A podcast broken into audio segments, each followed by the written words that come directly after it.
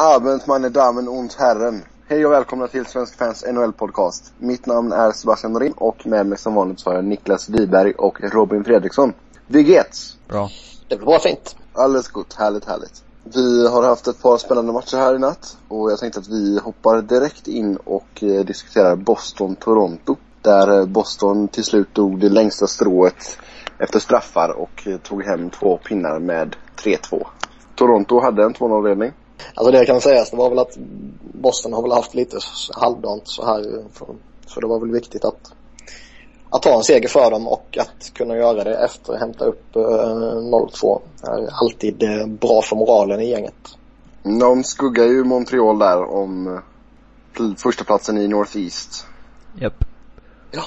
Och jag, jag tror väl personligen att det är väl egentligen bara en tidsfråga innan de tar sig förbi Montreal.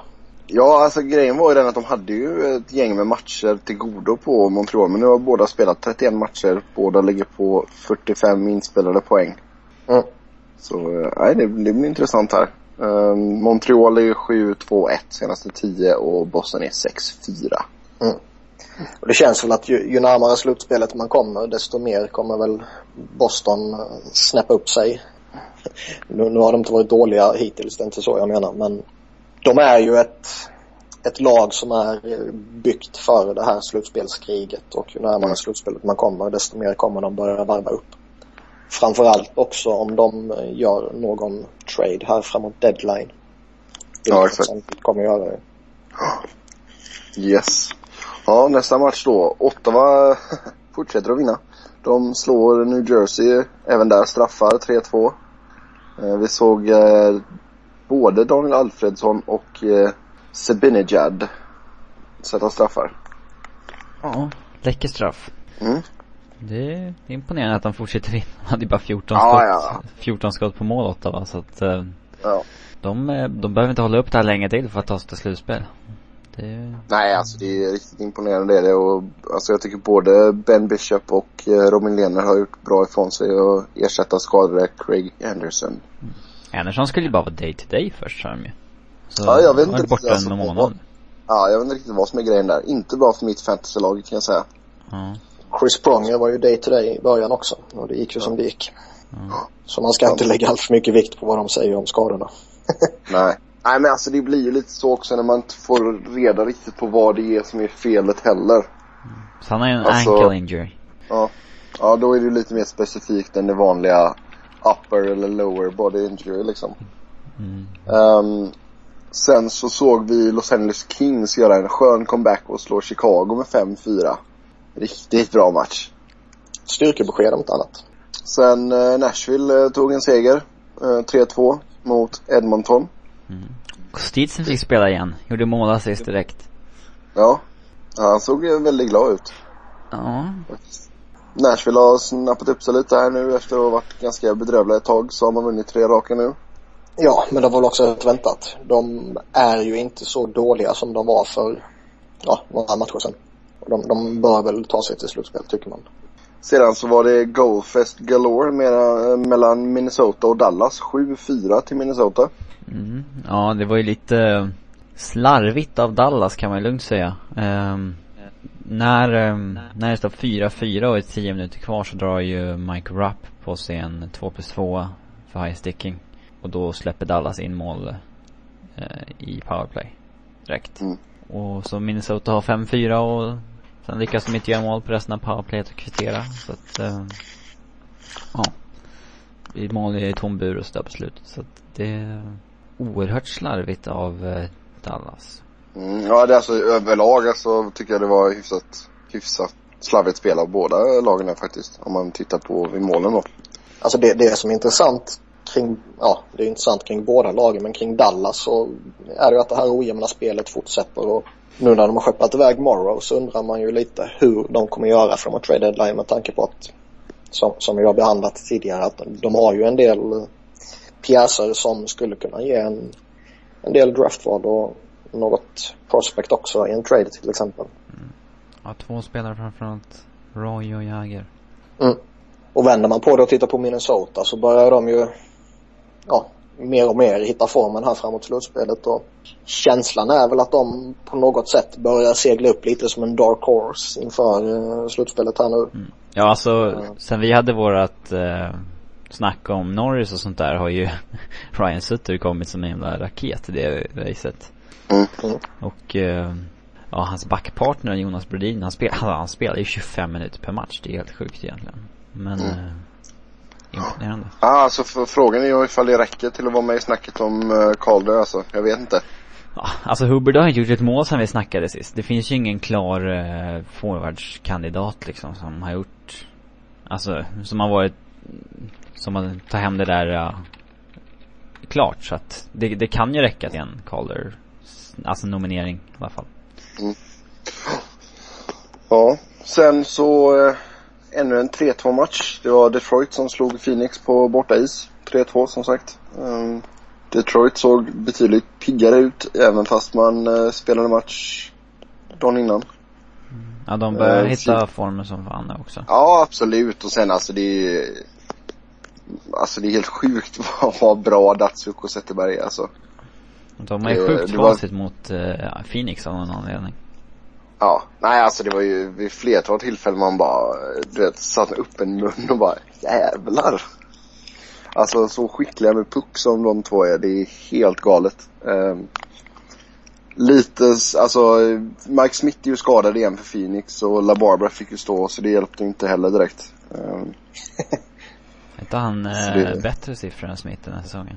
Jo men han, det är fortfarande inte samma trygghet, alltså man märker ju att försvaret inte är lika trygga med Barbs. Ja, så är det, det märker man. Ja. Så det är, men jo, jo, går det bara på siffrorna så har han bättre siffror liksom. Men han inger ju absolut inte samma, ja vad man ska säga, mod. Njuter inte samma mod i försvaret. Nej, så jag vet alltså för, förlorar Phoenix en eller, alltså nu har man ju förlorat fyra raka. Mm. Eh, skulle man förlora nästa match eller någonting då ska man nog verkligen fundera på att börja göra ett par trades alltså. Alltså det ser ut som att de uh, missar slutspel i år faktiskt.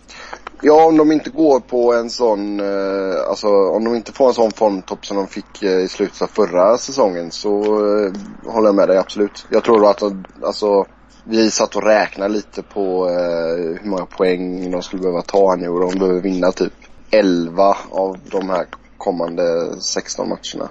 Och det, det, det som ju... talar lite för dem det är väl annars att lagen ovanför dem är eh, ojämna. Mm. Columbus känns det som att det är väl bara en tidsfråga innan de börjar trilla neråt igen och ja, Dallas nämnde vi precis att deras ojämna spel om de dessutom säljer av lite spelare framåt deadline så bör väl inte det precis förbättra dem. Nej. Nej, alltså jag menar, man är bara fyra poäng bakom San Jose som är på åttondeplatsen men alltså man har inte råd att ha de här dipparna nu. Alltså man måste börja alltså, vinna ordentligt med matcher. Man är 2-7-1 senaste 10. Det är helt bedrövligt. Mm. Nej, alltså det även om de vinner 11 så av de sista, ja, eh, hur många var det? 16? 16. Så, mm. Det kan ju fortfarande gå dåligt ser det ut som då. Alltså det är en bit upp. Alltså det är framförallt är det många lag man ska förbi. Jo, men samtidigt så spelar man ju mot många. Jag tror man möter San Jose tre gånger till exempel. Mm, ja. Man spelar mot Detroit två gånger till. Alltså Detroit, Detroit kan man, man väl nog räkna in som slutspelslag nu va? Ja, mer eller mindre tror jag att man kan göra det. Uh, men alltså, så jag menar det är, det är mycket sådana grejer. Man har Detroit två gånger, man har San Jose tre gånger, man har Dallas kvar, man har Colorado kvar, man, ja. Jag tror man ska spela mot Kings en gång till. Man har St. Louis kvar. Så jag menar liksom det är Alltså man möter ju bara dem i egna divisionen ja. så att, eller ja, så jag menar liksom, ja men man har mycket, många matcher mot folk som är just ovanför sig så jag menar det gäller ju att man ser till att vinna lite nu. Men som sagt, det ser ju inte lovande ut. Det kan jag inte påstå någonstans. Um, sen sista matchen, San Jose slog Anaheim med 5-3. Um, Viktor Fast hade väl ingen stor match direkt för Ducks. Tredje raka torsken. Mm för dags. Det som är intressant där är ju om det här bara är en tillfällig liten svacka för Anaheim eller om man nu har kommit ner på jorden på riktigt, om man säger så. Mm. Jag, tror, jag tror väl personligen att det bara är en tillfällig svacka för de har sett för bra ut i år för att det ska ha varit någon tillfällighet att de har gått så här bra bara. Ja, alltså det, det går inte att hålla uppe. Det är alltså för både Chicago och Anaheim. Det går inte hålla uppe det så, alltså hela säsongen. Det gör det inte. Det nej, kommer. nej, givetvis inte. Det är klart att du måste åka på några förluster. Men jag menar just nu så har vi ju formstarkaste laget i West är ju Minnesota. Som har vunnit sex raka och är 8-2 de senaste tio. Så man kan ju lugnt säga att de har hittat den här kemin som, som vi pratade om innan som var så viktig då. För Jag menar, spelare har man ju. Oh, ja. Om vi blickar över lite i öst då så ser vi fortfarande Pittsburgh i topp. 50 poäng. 12 raka vinster nu. Eh, jag vet inte riktigt vad man ska säga. Alltså det är sjukt imponerande. Det, och jag menar liksom, vi kommer prata lite mer Penguins här nu. De har gjort ett par trader också. Så, eh, men en annan sak alltså Winnipeg eh, leder Southeast 36 pinnar. Kan bli att de blir enda laget från den divisionen som tar sig till slutspel. Ja, nu har väl i och för sig Washington vaknat uh, rätt rejält här och jag tror att Carolina kommer nog på något sätt ta sig in i slutspelet också. Uh, framförallt tror jag väl inte att Winnipeg kommer hålla hela vägen ut. Win Winnipeg kommer nog rasa i divisionen och gör de det så ser inte jag dem som ett slutspelslag. Ottawa ligger på femte plats. De känns väl hyfsat säkra nu faktiskt. Ja, alltså de har fått så många superlativ den här eh, säsongen så det finns väl egentligen inte mycket mer att säga. Nej. Och sen i botten hittar vi båda Florida-lagen, Tampa och Florida. Eh, Tampa kommer vi prata mer om också. Och sen Vibergs Philadelphia på en trettonde plats. Ja, och det är väl alltså lite samma matematik som du drog kring, eh, kring Phoenix att Philadelphia, alltså de måste vinna dussin matcher på slutet här för att eh, det ens ska bli möjligt att börja tänka på slutspel liksom. Och Det skulle bara vara onödigt. visst, ja typ. Alltså det, det känns ju som att visst möjligheten finns att, eh, att man kan få en sån där galen formtopp och, och leta sig in i på åttonde platsen precis som man gjorde 2010. Eh, gen- Genom att vinna du vet, sista matchen eller något sånt där. Men om man baserar det på hur eh, spelet har sett ut hittills under säsongen så ser inte jag det som en realistisk möjlighet. Sen samtidigt tror jag väl i och sig att man är för bra för att eh, få något riktigt toppval baserat på tabellplacering. Den, ska man få Man får väl lägga så- sig för matcher då. Ja, fy fan, det gör man inte. Oj, ska, ska man få självval. så... Ja, det skulle vara det. Nej, alltså jag, jag gillar inte lag som medvetet börjar tanka. Det, är- det är så jävla smutsigt och vi har, vi har sett det för ofta. Men det är klart att det är bättre att komma toksist än att komma på nionde plats. Yes. Då lämnar vi nattens matcher och tabellen lite åt sidan och så ska vi ta och eh, snacka lite kontrakt, kontrakt och trades. Eh, jag tänkte att vi börjar med Anaheim som har eh, signat Radek Dvorak på eh, ett ettårskontrakt värt 675 000 dollar. Dvorak som kommer från Schweiz, eh, schweiziska ligan om jag inte helt fel. Ja, Mm. de behöver väl det- lite depth in i laget antar jag. Man kan aldrig få nog med veteraner för bottom six framåt slutspelet och han är ju en helt okej rollspelare som kan döda lite utvisningar här och där och skulle han inte platsa är det bättre att ha honom som trettonde forward än att sätta en ung talang där liksom. Yes. Sen så har vi Matt Diagostini som tillsammans med ett eh, conditional eh, sjunde val går till New Jersey och eh, St. Louis får utbyte ett eh, conditional eh, fjärde rundsval. Ja. Ja, och han har väl varit en besvikelse hittills. Eh, Mm. Däremot såg vi ju under slutspelet i fjol hur eh, viktig Devils bottom six är för det lagets framgångar och där fyller han väl en viktig funktion för dem kan jag tycka. Yes. det ska bli spännande att se om han studsar tillbaka för när han är bra så kan han vara riktigt bra faktiskt. Sen eh, såg vi att Carolina skickade upp ett hyfsat saftigt kontrakt till Alexander Semin.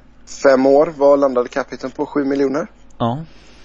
Capiten är väl rätt, eh, ja den är väl rätt rimlig med nuvarande lönetak helt enkelt. Men ehm, problemet är väl kanske att det är ett eller två år för långt det här kontraktet. Eh, Och vad är han? 29? ja, han är 34 när det går ut.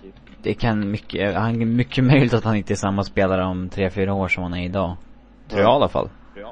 Men, eh, Alltså jag, jag tror personligen att i grund och botten kommer han nog hålla samma liksom högsta nivå eh, som han har nu om fyra fem år också. Eh, sen är det väl, tycker jag det är en rimlig fråga att ställa sig om hans motivation kommer vara likadan. Eh, med tanke på att ja, hittills under hans karriär så har det funnits vissa frågetecken där. Så det, det tycker jag är en rimlig fråga att lyfta. Däremot att såga kontraktet uteslutande på det argumentet som rätt många nordamerikaner gör rätt av egentligen. Det, det, det tycker jag är rätt så absurt.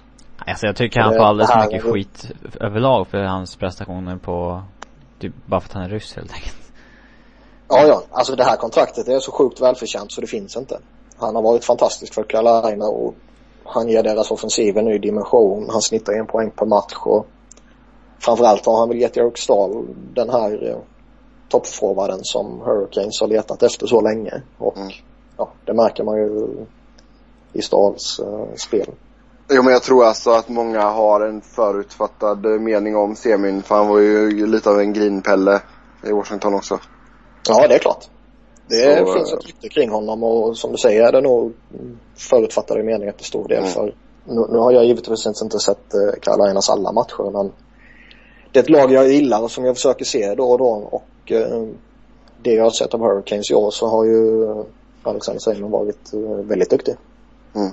Jag tycker man, alltså man ser ganska, alltså om man tittar på deras eh, kontraktssituationer då, alltså de ser ganska bra ut. De har Stål, eh, Erik Stål fram till eh, 2015-16. Ja, semin är ju klar till 17-18. Tomorutto 15-16. Jordan Stahl tills tidernas eh, end.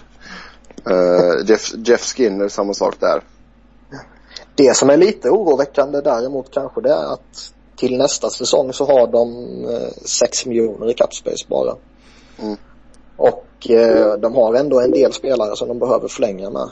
Eh, Chad LaRose och en topp 4-back kan jag tycka är de största prioriteringarna för deras del. Och vill man dessutom försöka förstärka laget ytterligare om man känner att man kan gå för det, ja då, då finns det väl lite frågetecken där. Eh, Ja, alltså grej, grej, sen är ju grejen också att hur, jag vet inte hur man kommer att tänka här med eh, om man kommer låta Dan Ellis gå till eh, Free Agency och sen köra med Ward och eh, Justin Peters nästa säsong. Det är mycket möjligt. Alltså, mm. det, det, är väl ingen omöjlighet och ser man till hur uh, deras capsituation ser ut så är väl det kanske till och med rätt rimligt att göra så. För Dan Ellis uh, kan jag tycka förtjänar en liten löneökning från de 800 000 han har nu. Mm. Och frågan är hur, hur det skulle fungera i, i deras kappsituation helt enkelt. Ja, exakt. Och sen ska ju Joe Corvo ha nytt kontrakt också. Det som däremot är lite intressant är att precis när vi börjar spela in det här så kom det ju rykten om att Jussi Jokinen kommer sättas upp på waivers senare idag. Ja. Ja, då får man ju loss lite cap där i så fall. Ja, han har ju tre miljoner cap hit och kontrakt över nästa säsong också. Mm. Um, gjort 5 plus 5 i år och har väl inte riktigt varit klockren på det sättet. Men jag tycker ändå det är lite märkligt att det inte finns någon trademarknad för honom. Yes. Ehm, då ska vi se, vi ska återkomma till eh, Pittsburghs eh, nyförvärv när vi snackar Pittsburgh. Eh, jag tänkte vi går över till avstängningen nu. Och ehm, vi kan ju börja med Eric Selleck som blev avstängd två matcher och det var för att han hade hoppat in och börjat fightas va? Ja, ett otillåtet byte där han hoppar över sargen och går in och tar en fight helt enkelt. Och, ja, det är väl inte mycket att säga om den, den avstängningen egentligen kan jag tycka. Det som är lite uh, charmigt är ju annars att det var hans uh, debut i ligan. Mm. Ja, det är det på bra attityd tycker jag. Uh, nej, det. men lite övertänd kanske. Men det, det, det kan vi ändå ha, ha överseende med tycker jag. Uh, sen ja. Det tycker jag definitivt. Ja. Uh, Joffrey Lupo, två matcher efter att ha tacklat Victor Hedman i huvudet. Lite förvånad att Lupo var så bitter på Twitter och gnällde över att uh, man inte vet vad man blir avstängd för och vad som är otillåtet och han kan ju börja med att inte hoppa in tacklingar blindside mot huvudet på folk. Ja, vadå? Han... Ja, framförallt kan han väl börja med att inte tacklas mot huvudet. Ja, men det var, det var, det var ja. ett jättetydligt exempel bara på en tackling mot huvudet som Alltså sån där blindside axeln i huvudet. Liksom. Det... Ja. Och han hoppar ju upp också. Ja, den var, den var faktiskt riktigt, var, jag tycker den var riktigt ful var. Det var en feg tackling var det. Ja, alltså jätteonödig grej överhuvudtaget liksom. Mm. Ja, sen såg vi Alexander Edler fick två matcher efter att han eh, kört över Mike Smith bakom målet i eh, matchen mellan Vancouver och Phoenix eh, häromdagen. Eh, jag tycker den var helt rätt också. Eh, jag och Robin pratade lite om att eh, tydligen så var det folk som eh, skrev på Twitter att Smith hade filmat. Det, det tycker jag var lite väl eh, hårt mot Smith faktiskt. Alltså filmat rakt av är väl eh, lite väl tufft att säga. Däremot tycker jag att när man ser bilderna så ser han ut att sälja in det en del. Han ju Eh, skadad. Men sen, ja ja men lugna dig lite nu. Men sen samtidigt alltså får man en smäll mot huvudet så det krävs inte en jättesmäll för att man ska eh, ja, reagera kraftfullt om man säger så. Nej. Framförallt alltså när målvakt ger sig ut bakom eh, bakom sin egen målbur så ja, alltså för det första tycker jag ju att de ska vara tacklingsbara men nu är de ju inte det och således bör de kanske inte förvänta sig att få en tackling heller och är man inte redo på att få en tackling så vet vi sedan tidigare och jag tror att alla som har gjort någon form av idrott vet att när man är redo på att få en tackling så tar man tacklingen på ett annat sätt än om man inte är redo för den. Mm. Jo absolut, han har ju full eh, blick på, han ska ju slå iväg pucken så han kollar ju ner på pucken och sådär. Sen precis efter Mm. han släppt den så kommer Edler dundrandes där liksom. Sen tror inte jag att det var medvetet av Edler att köra över honom. Men, Nej det tror inte eh, jag heller men han träffar huvudet och Ja, en tackling mot huvudet är en tackling mot huvudet och ska bestraffas. nej det var ju slutet av andra perioden på den matchen och Smith spelade klart perioden men sen så fick ju La Barbara kom in i tredje och eh, Vancouver vann matchen. Ehm, sen eh, ska vi gå över och snacka om en eh, icke-avstängning. Rick Nash. Jag tänkte Robin ska dra detaljerna där. Mm. Ja, alltså han glider in i slottet för att sätta en tackling bakifrån på Thomas Kopecki. Och det är väl det han lyckas med, tycker jag. Och, alltså han träffar ju med armbågen i bakhuvudet på honom typ. Eh, jag köper inte riktigt eh, Shanahan och dems eh, argument att Kopecky vänder sig om i sista, för att jag tycker ändå han har god tid att undvika att träffa honom i, eh, ja, nacktrakten om man vill det. Alltså jag Mm. tycker att, ja, alltså jag tycker definitivt nog, alltså att han borde nog haft någon match avstängning för den där. Men är det på grund av att det är Rick Nash som man inte, som man klarar sig undan avstängning här? Alltså, vi vet ju att eh, stjärnor behandlas annorlunda. Det, det har ju historien visat för oss. Så det är liksom inget snack om saken att stjärnor kan komma undan med saker som en vanlig eh, spelare kanske skulle Det hade varit bestraffas för. intressant att veta om det var tvärtom, om det Och- var Rick Nash som låg där på isen efter att Kopecky hade gjort sådär. Ja, ja exakt. Då skulle vi nog fått se en, en match eller två kanske. Och, alltså, jag, jag tycker väl att Nash ska ha något här för Tjär- Tjärna han pratar ju om att ja, han vrider sig i tacklingssituationen som, som Robin var inne på. Och Nash går in för att träffa honom på axeln eller över, över ja, skuldrarna så att säga. Men alltså hur man än vrider och vänder på det så är det en tackling mot huvudet. Mm. Eller i nacken. eh, Ja, båda är väl egentligen rätt så allvarliga. Men känslan är väl ändå att liknande situationer har bestraffats tidigare. Och det är det som Ja. gör att det blev sånt eh, snack nu när Nash inte bestraffades. Då ska vi gå över och snacka Pittsburgh Penguins. Och eh, som jag sa där, 12 raka vinster. Man eh, går som tåget. Och nu har man förstärkt med Brendan Morrow och Douglas Murray.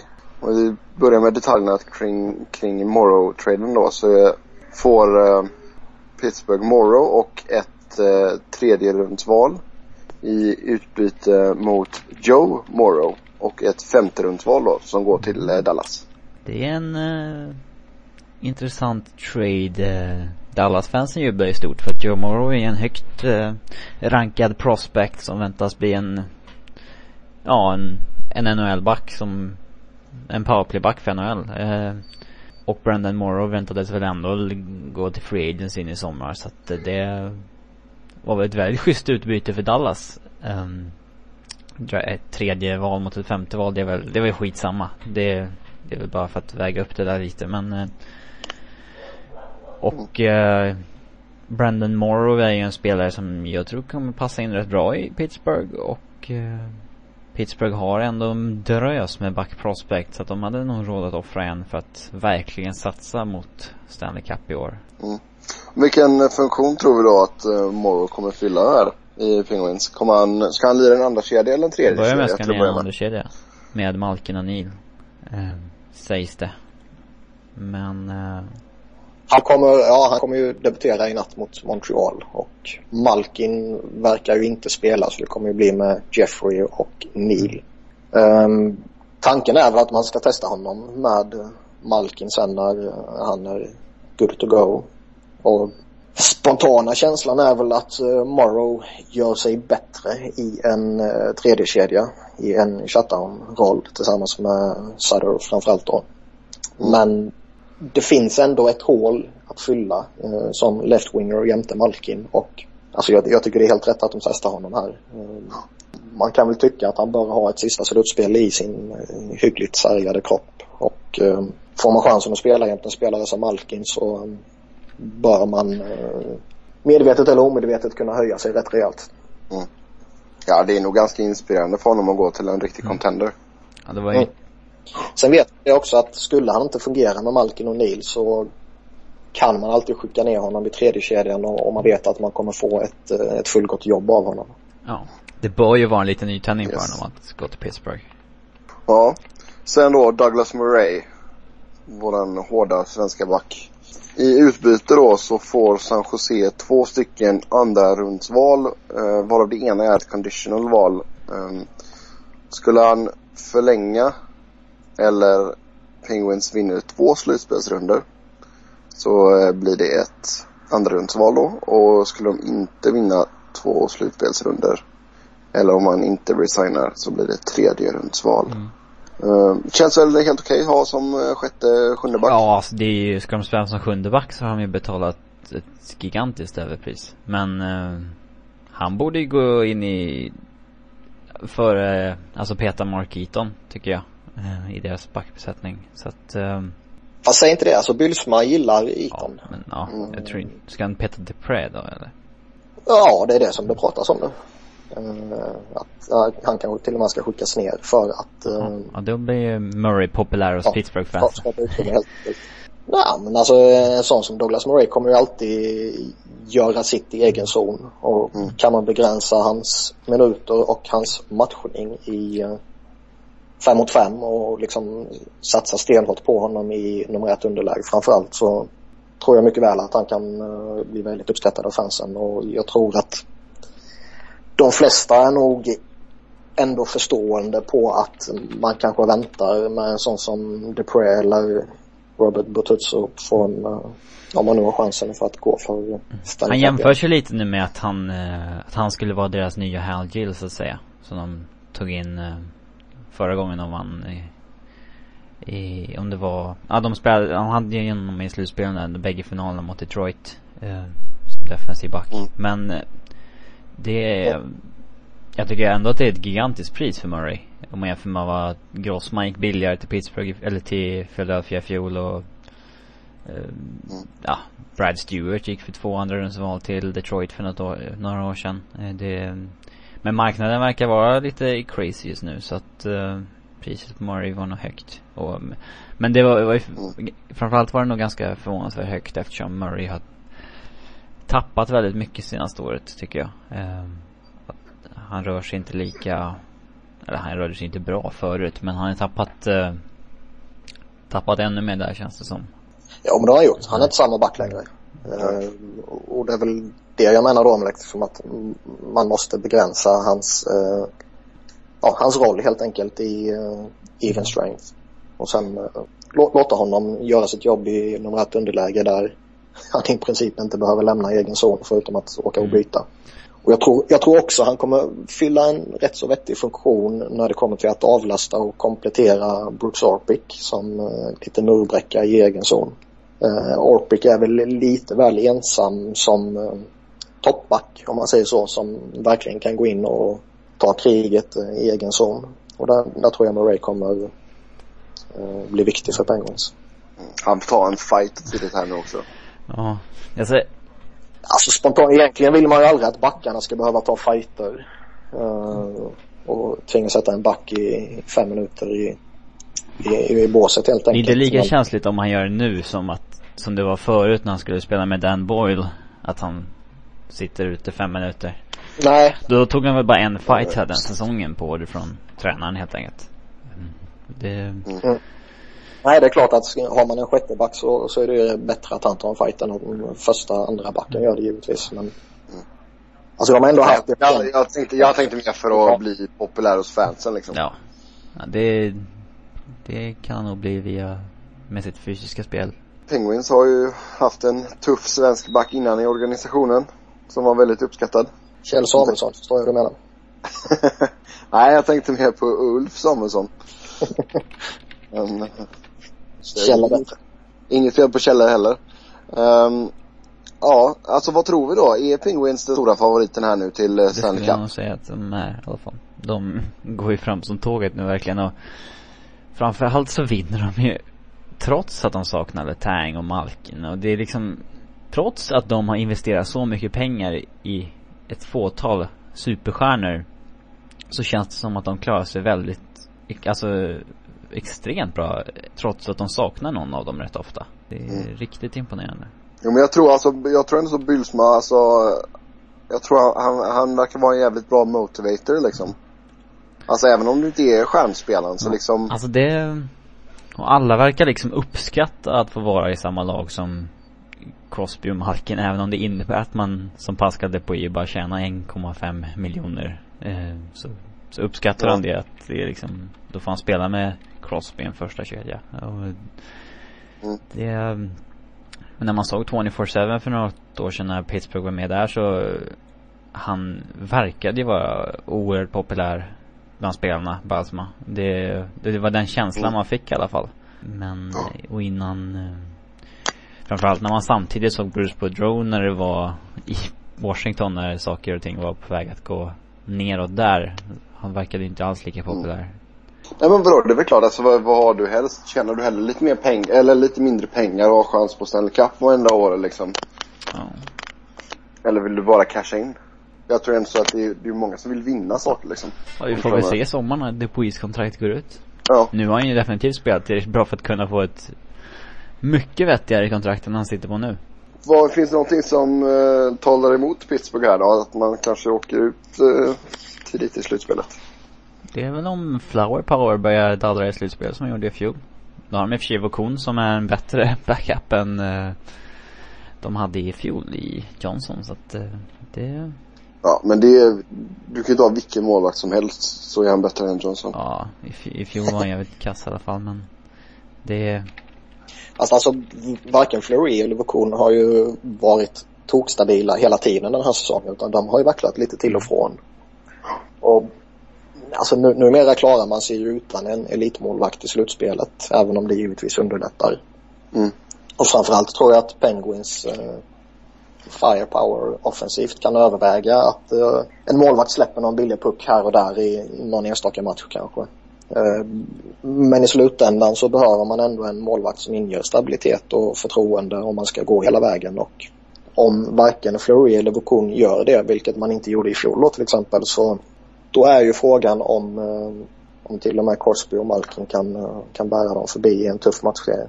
Eh, jag tänkte vi lämnar Pittsburgh där då och så ska vi snacka lite om Columbus Blue Jackets. Och man kan väl säga att de har ju blivit ett litet utropstecken här nu i Western Conference. Eh, Vi tippar väl de tog sist om jag inte har helt fel inför säsongen.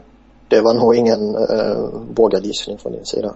Nej men jag för, hade vi dem inte sist i vår ranking? Jag hade för mig det. Jo. Jo. Ja. Ehm, så ja, vad är det som har hänt egentligen? Nu har de ju fått lite stabilt målvaktsspel för första gången på väldigt många år. Eh, Sergej Bobrovski har ju spelat väldigt, väldigt bra. Mm. Och eh, de har ju fått in väldigt många karaktärsspelare som man vet kommer göra sitt jobb varenda natt.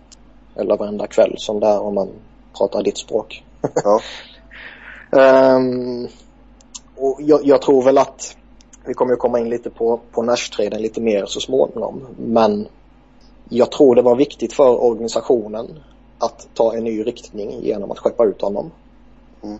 Um, vem som har vunnit den traden kan man ju diskutera fram och tillbaka i all evighet. Men Columbus blev ett djupare lag av att uh, få in alla de spelarna de fick för honom. Däremot har uh, man tappat den enda matchvinnaren man hade.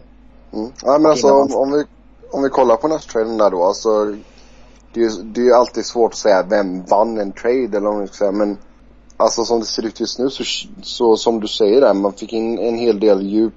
Man fick in karaktärsspelare. Det ser ju onekligen bättre ut nu. Ja det gör det.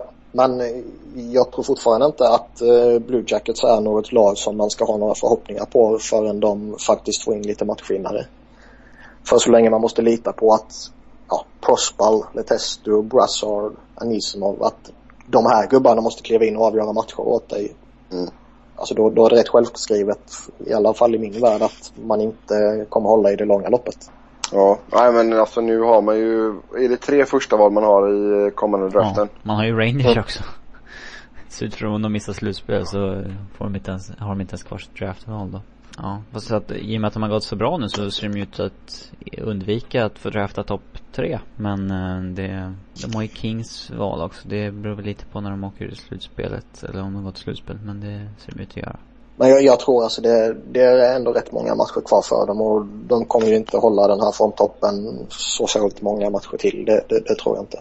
Utan jag, jag, tror som, som vi var inne på tidigare, alltså Phoenix känns betydligt mer stabilare än vad Columbus gör. Så Phoenix bör väl ta sig förbi dem och de, de kommer väl hamna där eh, bortom four i Western helt mm. enkelt. Sen känns det väl hugget som stucket om det blir eh, Columbus eller Edmonton som kommer tredje sist.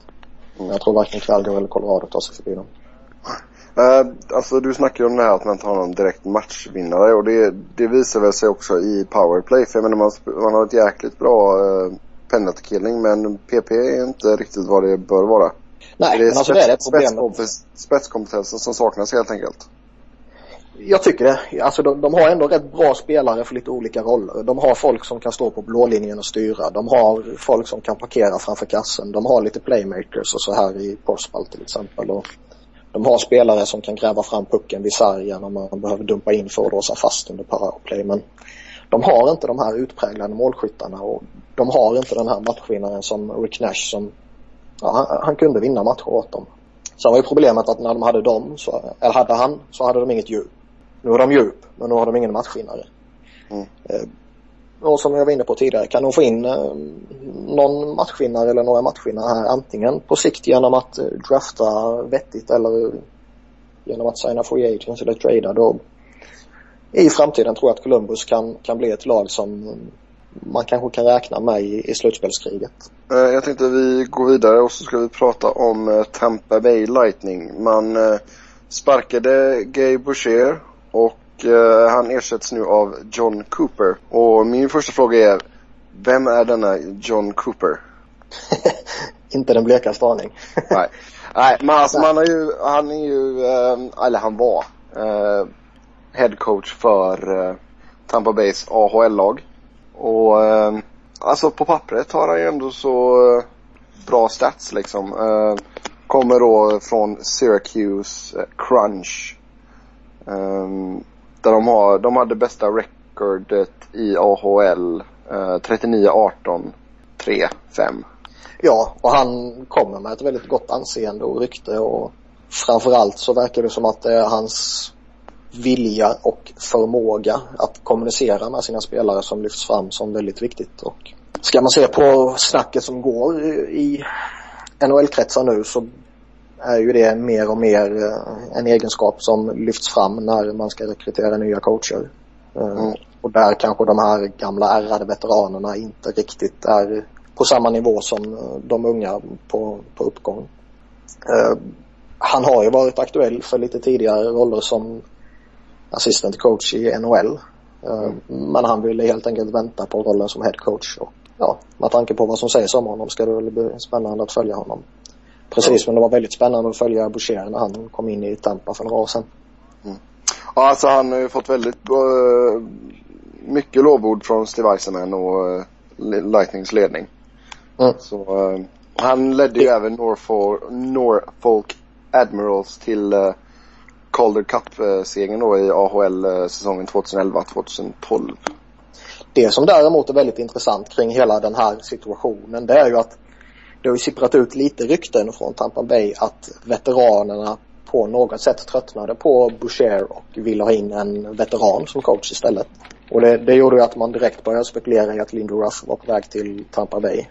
Mm. Efter, med tanke på att han och Iceman har samarbetat tidigare för Team Canada. Mm. Nu vet man ju kanske Ruff tackade nej direkt. Det, det, har man ingen aning om. Det har inte läckt ut något än i alla fall. Mm. Men jag tycker att det alltså stämmer de här ryktena att veteranerna slutade spela för Boucher och, och man vill ha in lite rutin och, och erfarenhet helt enkelt så då är det ju lite intressant att Steve Eisenman och, och kompani väljer att plocka in en, eh, en ny rookie. Mm. Alltså jag, sen det är ju det är svårt att säga också hur Eisenman tänker här nu och ifall han, ifall han ska liksom, eh, vad ska man säga, föryngra laget lite till och jag menar det är mycket möjligt att vi får se några av de spelarna som eh, Cooper hade då i, i Syracuse Crunch ja, det är också. Mycket möjligt. Men jag, jag skulle väl kasta mer skit på Eisenman än på Boucher. Alltså jag tycker inte att han har det märks att han är en orutinerad GM i alla fall tycker jag.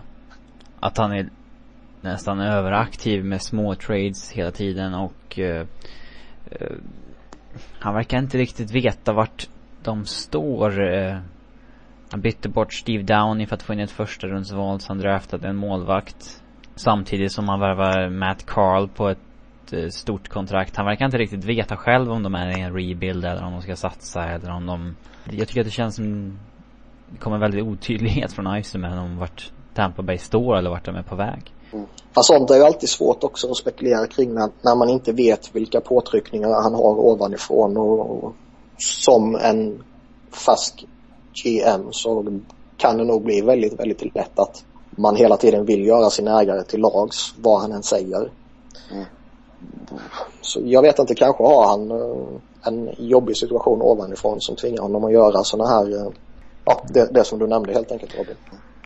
Vad, eh, alltså vilka, vad ska man säga, vad ska Iceman försöka göra här nästa för att få detta laget konkurrenskraftigt på riktigt liksom? Alltså, jag tycker han gjorde rätt som hämtade in en sån som Anders Lindbäck. Um, sen om det var Lindbäck eller om det skulle vara någon annan ung målvakt som man väljer att satsa på det, det, det, är väl egentligen sekundärt. Men jag tyckte det var rätt att plocka in en yngre kille man kan bygga långsiktigt på. Däremot tycker jag väl inte att eh, man har gett Lindbäck eller laget heller för den delen riktigt bra förutsättningar för att lyckas både kortsiktigt och långsiktigt genom att ta in eh, eller ta in behålla Mathieu Garon som en av två målvakter. Mm.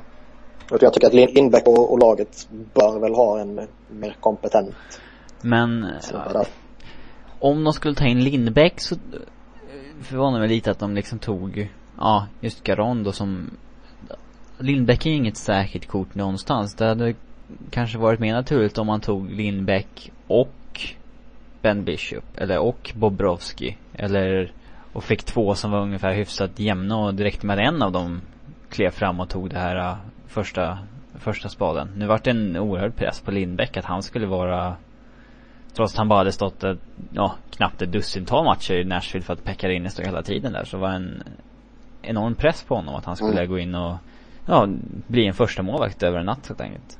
Nej, så är det. Och där, där tror jag att även om inte jag tycker det är fair att lägga någon skuld på Lindbäck. Um, sen är det bara att konstatera att han har varit extremt mycket upp och ner och kanske lite väl mycket ner. Men det, det är inte fair att lägga någon press på honom eller någon skuld på honom. Um, utan där, där, tycker jag att det är som han misslyckades med att ge honom bra förutsättningar för att lyckas. Sen om man ser i övrigt så är det väl egentligen samma snack som gäller alla lagen. Krydda med någon topp 4-back och kanske stärka upp eh, topp 6 i forwardsbesättningen också. Mm. Sen är det ju det här lite som, som vi berörde innan när vi snackade Cooper att de har ju ändå en del unga killar på uppgång. Och frågan är ju hur mycket man vill satsa på dem eh, gentemot risken att trycka ner dem genom att plocka in utomstående förstärkningar. Steven Stamkos fortsätter att leverera. Martin St. Louis har varit bra också. Eh, det ryktas om att St. Louis kan vara tillgänglig för en trade. Ja, då tänker de i så fall om de satsar på det. Ja. Men det beror på om han, eh, om han ska lägga av snart, då är det kanske rätt att uh, trade honom. Men jag, jag har inte hört något så intensivt om det så att det skulle kunna vara aktuellt nu. Eller? Han har ju, han har ju två mm. år kvar efter denna säsongen. 5,6 alltså, drygt i cap hits. Ja, nej, alltså in, ingen spelare är ju otradebar. Det, alltså det, så, så, är det ju bara. Kan Wayne Gretzky tradas så kan alla spelare tradas. Ja men han har väl en no, mm. no movement klausul också? Han skulle vi inte tacka nej till ja, en contender? Uh, men alltså kommer, nej det tror inte jag heller. Jag tror väl att det enda scenariot att han kommer lämna Tampa det är väl om han själv uttryckligen ber om det. Mm. Om, om man, om liksom Tampa fortsätter att ligga i, i bottenskiktet av Eastern Conference. Men alltså är jag i Tampas eh, skor så skulle jag ju personligen tänka mig för både en och två gånger. Eh, för om man får något bud på honom utan att han själv uttryckligen ber om att få lämna. Mm. Det känns som han är väldigt, väldigt viktig för Stankos framgångar. Eh, även om Stankos givetvis är en individuellt sett väldigt, väldigt skicklig center så verkar han ha den här speciella kemin med San Louis. Ska vi lämna Tampa Bay där då? Ja. Då ska vi snacka lite, lite rykten. Och eh, en spelare som det har surrats mycket om är Jerome Iginla. Eh, Calgarys kapten. Och uh, vad är det senaste? Kan han fortfarande vara aktuell för Penguins trots att man tog in uh, Morrow här nu? kommer att vara med i snacket om Iginla och uh, i alla fall höra sig för vad det kommer krävas för att få honom. För de satsar verkligen på att vinna i år. För de kommer ha en jävla cap, jobbig cap-situation om ett, två år. Så att de, uh, då kommer de inte kunna ta in spelare så här för att satsa på att vinna. Och det passar de på att göra nu då. Men Eh, Eh, Boston Bruins missade ju Brandon Morrow och eh, de vill verkligen inte missa Jerome Ginla då. Så att eh, det är väl de som verkar vara, eller frontrunners eh, skulle man kanske inte uttrycka det men eh, Bob McKenzie sa att det är de som är mest motiverade att ta in honom. Och Calgary vill ha ett första rundsval, en eh, top prospect och en secondary prospect för honom. Mm. Ja, han har ju vad det verkar som lämnat in en lista på de lagen han kan tänkas trada sig till. Eller mm. bli tradad till. Och det är Los Angeles, Chicago, Pittsburgh och Boston. Och det känns väl av de fyra så är det kanske Boston som har egentligen, som, som Robin var inne på, att det största behovet av att kanske plocka in honom. Eh, Chicago såg vi ju hur enastående de kan vara när de är friska och krya. Los Angeles är den regerande mästare och har samma trupp så det, de har nog inget superbehov av honom på det sättet. Nej, samtidigt känns jag inte, jag tycker inte det priset är, är värt för Ginla, för, alltså för LA tycker jag inte det är värt det. Nej, framförallt så finns det väl kanske andra bitar som Kings bör sikta in sig på och det är väl kanske snarare defensiva pusselbitar i så fall. Exakt. Jag tänker på skadesituationen där. Ja. Så jag, jag, tror att Boston är rätt så, eh, ja, desperata är väl ett starkt ord, men där runt omkring på att gå efter honom. Framförallt om Pittsburgh på allvar ger sig in i budet om honom här också. För, alltså man har en hel drös med capspace som man kan, eh, kan utnyttja och eh, är man bara redo att möta utgångspriset som Calgary har så, så tror jag att Ray Shero och company kommer gå stenhårt efter honom. Om inte annat så för att eh, pressa upp priset ytterligare ja, en, för Boston. Eh, de, de, O'Brien kallade det för honom för en pure rental. Att han är ju bara där för slutspelet då, i stort sett. Men eh, jag tror inte att man går efter honom om man inte i alla fall tror att det finns en chans att man kan resigna honom på ett billigare kontrakt än han sitter på nu. För då, då känns det som väldigt mycket att betala upp bara för en rental. Alltså det beror nog på lite. Jag, alltså jag, jag tror att ett sånt lag som Chicago kan nog tänka sig att ta honom bara som rental med tanke på att ja, tittar man framåt så har man till exempel Marian Hasa och Patrick Kane som right-wingers för topp 6. Eh, så de kan nog på ett annat sätt tänka sig att ta honom som rental uteslutande. Och jag tror att Pittsburgh som du redan var inne på där Robin med, med deras kommande cap-situation kan nog också vara rätt bekväma med att bara ta in honom som, som rental. Och som vi var inne på när vi pratade deras tidigare trades så har de en hel drös med prospects som de faktiskt kan undervara. Vi tror att han hamnar yes. hos Boston. Ja, uh, vi får se vad. Ja, det tror vi. Då ska ja, vi snacka... det är de som är mest desperata. Ja, eh, Dan Boyle då. San Jose-backen. Uh, ryktas det också om. Kan, kan han hjälpa ett lag? Vadå? 36 år gammal. Ja, det kan han. Eh, personligen tror jag väl dock att han hjälper Sharks mer som spelare på isen än vad han kan göra i en trade. Eh, vill lag i ligan ha in offensiv hjälp från blå linjen så finns det väl i mitt tycke både yngre och billigare alternativ på marknaden. Mm. Och med tanke på hans eh, cap hit och eh, ålder och eh, hela den biten så bör väl kanske Sharks inte egentligen kunna förvänta sig ett Snackar väl om ett första topperbjudande för rundsval honom. typ. Men det... Nej, cap hit. Cap Ja, ligger väl på det är 6,6 väl nästa tror jag. år också. Ja, precis. Och Det det, blir problemet. ja, och med tanke på att det finns eh, en del spelare som är pending UFAs och som kortsiktigt kan bidra med samma sak som Dan Boyle kan göra så tror jag väl att eh, priset på honom eh, inte bör bli så jättehögt. Sen vet man inte, marknaden är ju smått galen. Jo, det är sant. Sen en annan back som det snackas om lite är ju eh, Phoenix Keith Yandel. Och eh, det surras ju lite att man, är, man skulle kunna tänka sig att släppa honom för rätt bud då med tanke på Ekman Larssons genombrott här. Alltså Den den, den stora- spontana känslan som jag har kring Keith Yandel är ju att med tanke på hur Ekman Larsson har slagit igenom nu och med tanke på att man dessutom har en hyfsad potential i David Rundblad som kommer underifrån. Känns det väl lite som att behovet av en topp 6-center är större än Ja. behovet Min, att eh, behålla min dröm är Yandel. fortfarande att byta Keith Yandel rakt av mot Paul Stastny. Ehm, tror du inte? Ja, men det händer ju inte. Nej, alltså oddsen för det är väl inte Nej, det jättestora men det inte. skulle vara någon ganska fair value och bägge ryktas ju tradas. Och ja, om han, om de Avs tradar honom så sägs det att de vill ha en, in en vänsterfattad back och Phoenix vill ha en topp 6 center så att det, det är inte enormt långsökt. Nej, men alltså, det, jag, jag, alltså just nu har man ju Vermette som första, Ja, Vermette eller Hansel som inte- första center. jättebra. Nej det, är, nej, det är inte jättebra men de är inte dåliga på något sätt. Men de känns ju mer som, alltså, de känns ju inte som givna första centra, det tycker jag inte. Nej, alltså har man Hansal som jag personligen gillar väldigt mycket som en av två toppcentrar så skulle jag väl personligen vara rätt nöjd om jag är i Phoenix situation. Ja, jag menar Vermette har gjort jättebra sedan han kom över från Columbus. Men det, det, det är ju samma sak som med Columbus där. Alltså det, det saknas ju spetskvaliteter i det laget. Ja, Um, sen är ju inte, alltså om man kollar på free agency-marknaden här nu som kommer, alltså det ser ju riktigt skralt ut på centerpositionen dessutom. Det, är- det är typ Tyler, Ja. eller vad är? Tyler Bostack. Det blir Bosak Watch i sommar. Ja, och jag, jag menar han vill ju ha första centerpengar tydligen och det, det, jag tror inte han får det, skulle få det av Phoenix. Ehm, men alltså det, det beror helt på om man får det utbyte för Jandel också. Alltså det, han sitter ändå så på kontrakt fram till, han blir UFA efter säsongen 15-16. Och Han sitter på 5,25 Alltså det är ett ganska miljoner saft kontrakt för en back som är ganska endimensionell faktiskt. Tycker jag.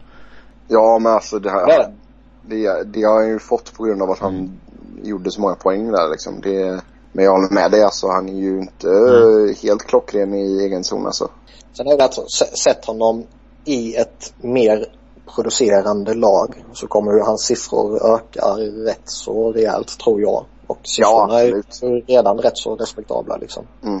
Jo absolut. Och sen som du säger där alltså, man, eh, man kommer ju med all sannolikhet att uh, resigna Rundblad också. Som eh, jag tror blir RFA här nu.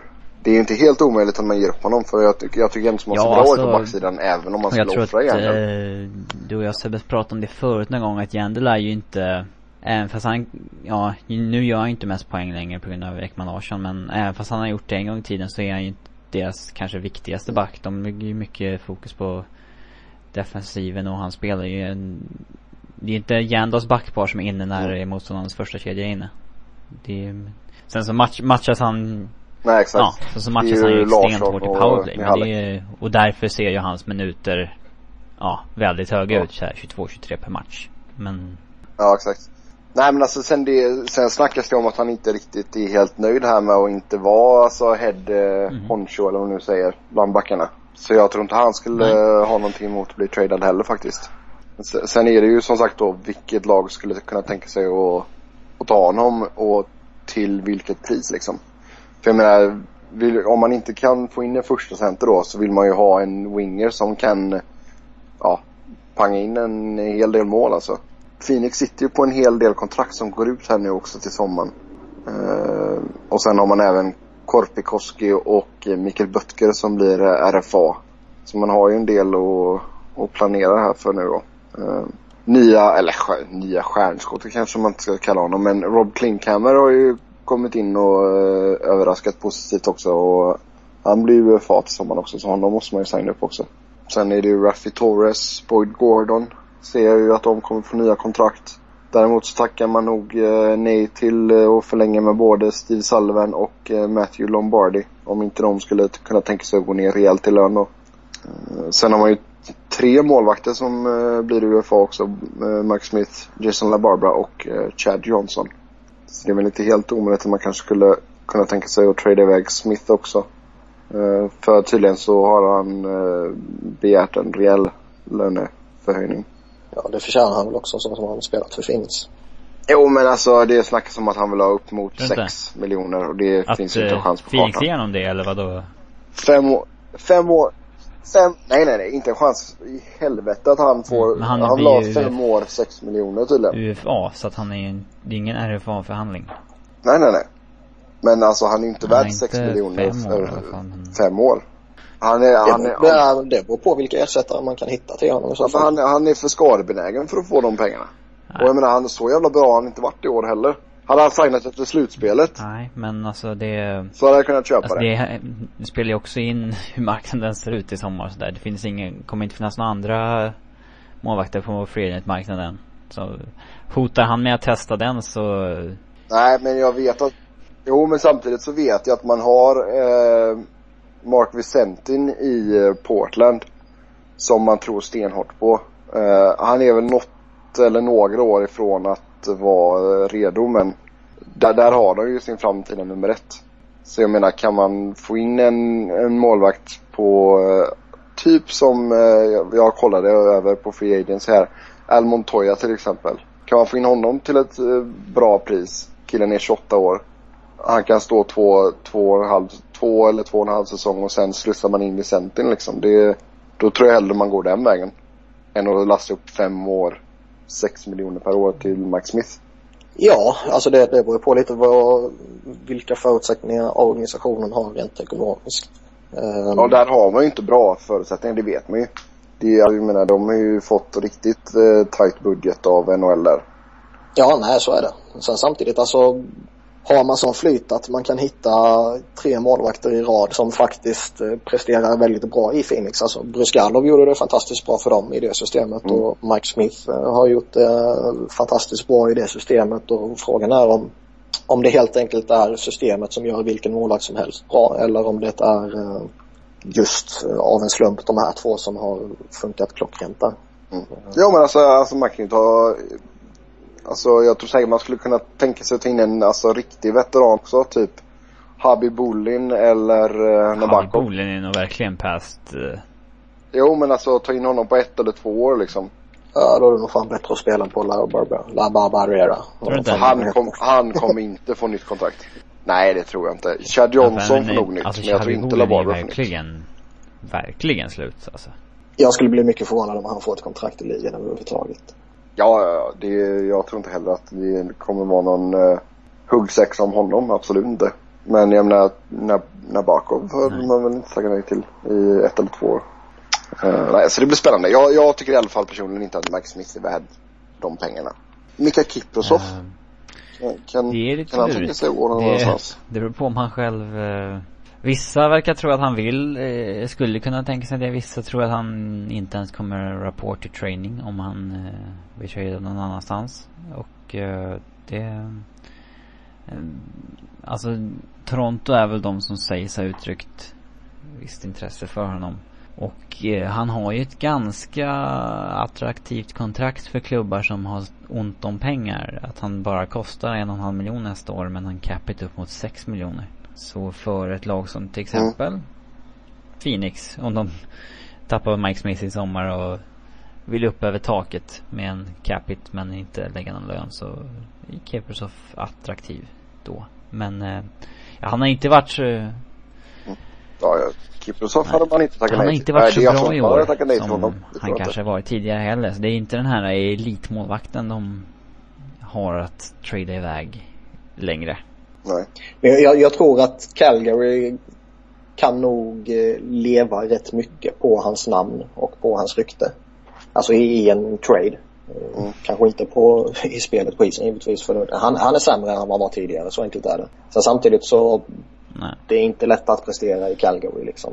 Men jag tror att sen, sen verkar han, han verkar ju vara en liten specifik eh, människa också. Um, så vill han bara trada så han går med på en trade så tror jag nog ändå att Calgary kan få ett eh, rätt bra utbyte för honom enbart. Mm, tack vare hans namn. Och sist men inte minst André Metsaros. Vad skulle en sån kille kunna ge i utbyte och är han attraktiv för andra klubbar? Alltså tittar man på vad, Douglas Murray kostade mm. så skulle jag ju personligen med glädje skeppa ut uh, Messaros om, och om Philadelphia känner att eh, nej men den här säsongen är körd. Vilket den med största sannolikhet är ju. Sen är ju problemet hans skadeproblem. När han är frisk så är han en stabil back. Men han har den senaste tiden haft eh, precis alla skador man kan tänka sig. Han har trasat axeln, han har slitit av hälsenan, han har ryggproblem och han har knäproblem. Alltså du vet hela skiten. Så det, det tar väl, väl rätt mycket emot att uh, det ska vara ett jätteintresse för honom. Med tanke på att alla lag vet om den situationen. Men sen är det, han har ändå ett eh, rätt attraktivt kontrakt med 4 miljoners capita bara och ytterligare ett år på det kontraktet. Han kan sätta igång spelet i egen zon, han kan transportera puck, han kan skjuta i powerplay. Eh, matchar man honom rätt så att han inte får den här eh, toppmotståndet mot sig hela tiden så är han en rätt effektiv back i even strength också. Vad, vad ser vi för potentiella klubbar Alla vill väl ha en topp 4-back typ? Ja, jag tänkte säga det. Mm. Um, Alla. Sen tror jag väl att bestämmer sig Flyers för att skeppa ut honom så bör man väl kanske inte skeppa honom inom konferensen. Nej, kom igen, inte kunna Om man inte får ett helt galet bud. Nej, i och för sig. Men alltså jag, jag kan tänka mig att alltså ett sånt lag som Carolina som sägs vilja jaga en, en, en topp 4-back eh, kanske kan slå en signal till Paul Holmgren. Um, nej, det beror på vad man tradar i utbyte ju. Men det, det, det, är väl ett lag som jag, om man ser på behovet på pappret, jag kan tänka mig är, bör vara intresserade. Uh, Montreal vet man inte heller, även om det kanske är lite för dyrt för dem långsiktigt sett. Yes. Jag tänkte vi ska avsluta med att uh, snacka lite kort om Alexander Ovechkin. För sen vi såg honom så har han gjort nio poäng mm. på fem matcher. Alltså. Ja, Adam Outslag Ja, alltså Ovechkin är ju Trots att han inte är i närheten av den spelaren han var för några år sedan så är han ju fortfarande kanske ligans bästa power forward. Han gör ju fortfarande väldigt mycket mål och levererar väl bland ja, han är väl bland ligans mest frekventa tacklare och sånt där så att det är väl, det är väl typ, ja, Corey Perry kanske som är en bättre power forward än honom. Annars så ser jag inte något, någon annan som skulle konkurrera där. Men han är fortfarande långt ifrån den spelaren han var förut. Men nu ligger han ändå så på 31 eh, poäng på 32 matcher. Ligger sjua i, eh, i eh, mm. målligan. Nästan, eh, nästan PA Parento-klass. Alltså det, det, är klart att han, han, har ju höjt sig helt absurt och nu här om natten så var det till och med så att Mike Milbury hyllade honom. och med tanke på hans utbrott för några veckor sedan när, när vi pratade om Ovechkin också så är väl det en komplimang som säger det mesta. Ja. Men eh, alltså faktum kvarstår att Ovechkin är inte den spelare han en gång var. Eh, jag trodde när Adam Oates klev på tåget i, i Washington att eh, Ovechkin skulle vandra tillbaka mer och mer emot den spelaren han en gång var. Och kanske är det så att det helt enkelt tog lite tid och att det är först nu som vi ser den utvecklingen. Jo men det är klart att jag menar så sent som säsongen 2009-2010 så hade han 109 poäng liksom. Ja, ja. Alltså, sen är det alltid det här problemet som har varit med honom att när han inte producerar numera så bidrar han inte jättemycket. Nej. Eh, när han var som allra bäst så även om han hade en, en, liksom en, en dipp i, i produktionen över en viss period så, så var han alltid som, som det här som Robin var inne på att han tacklade så han åkte och han körde och han bla bla bla hela tiden. Eh, det gör han inte på samma sätt längre. Och när han då inte producerar så blir det väldigt, väldigt frustrerande att se på honom. Eh, vilket Mark Milbury var inne på då som jag faktiskt tycker att han, han hade rätt mycket rätt i det han sa. Sen tror jag väl inte att Milburys sågning väckte Ovechkin utan det är nog helt andra faktorer som har, som har tänt honom. Ja, då eh, tackar vi för oss för den här eh, veckan. Eh, som vanligt, vill ni snacka hockey med oss så går det bra att göra så på Twitter. Mig hittar ni på att Noren, Niklas på att Niklas Wiberg, Niklas med C och Robin på R underscore Fredriksson. Tills nästa vecka, ha det gött, hej! Hej hej!